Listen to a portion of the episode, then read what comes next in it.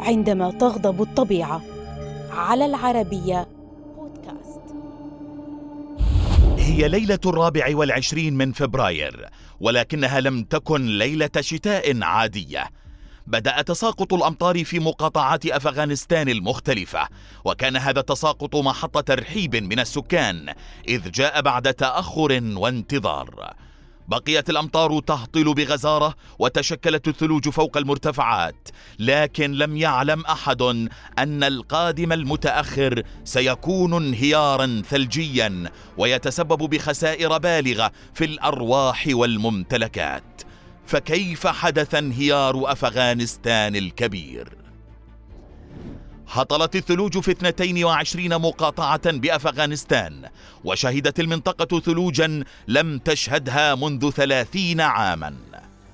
الهطول الغزير ما لبث أن تحول لانهيارات ثلجية كان أقساها في شمال شرق كابول حيث دفنت الانهيارات الجليدية المنازل في أربع مقاطعات شمال شرق البلاد. مقاطعة بانشير كانت الأكثر تضررا حيث غطت الثلوج نحو مترين فوق الأرض ودمرت الانهيارات مئة منزل في المقاطعة وقتلت ما يقرب من مئتي شخص. تضررت عائلات كثيرة من الفيضانات والأمطار والثلوج الكثيفة والانهيارات الجليدية في 137 منطقة.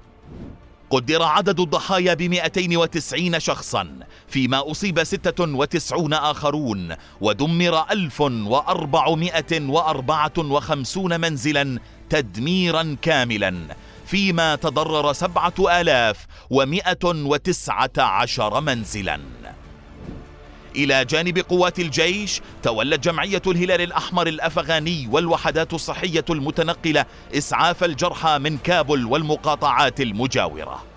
كشفت عملية التقييم السريع عن نقص في وصول مياه الشرب والمواد الغذائية ومستلزمات الصحة والنظافة والتدفئة مع انخفاض درجة الحرارة واستمرار تساقط الثلوج.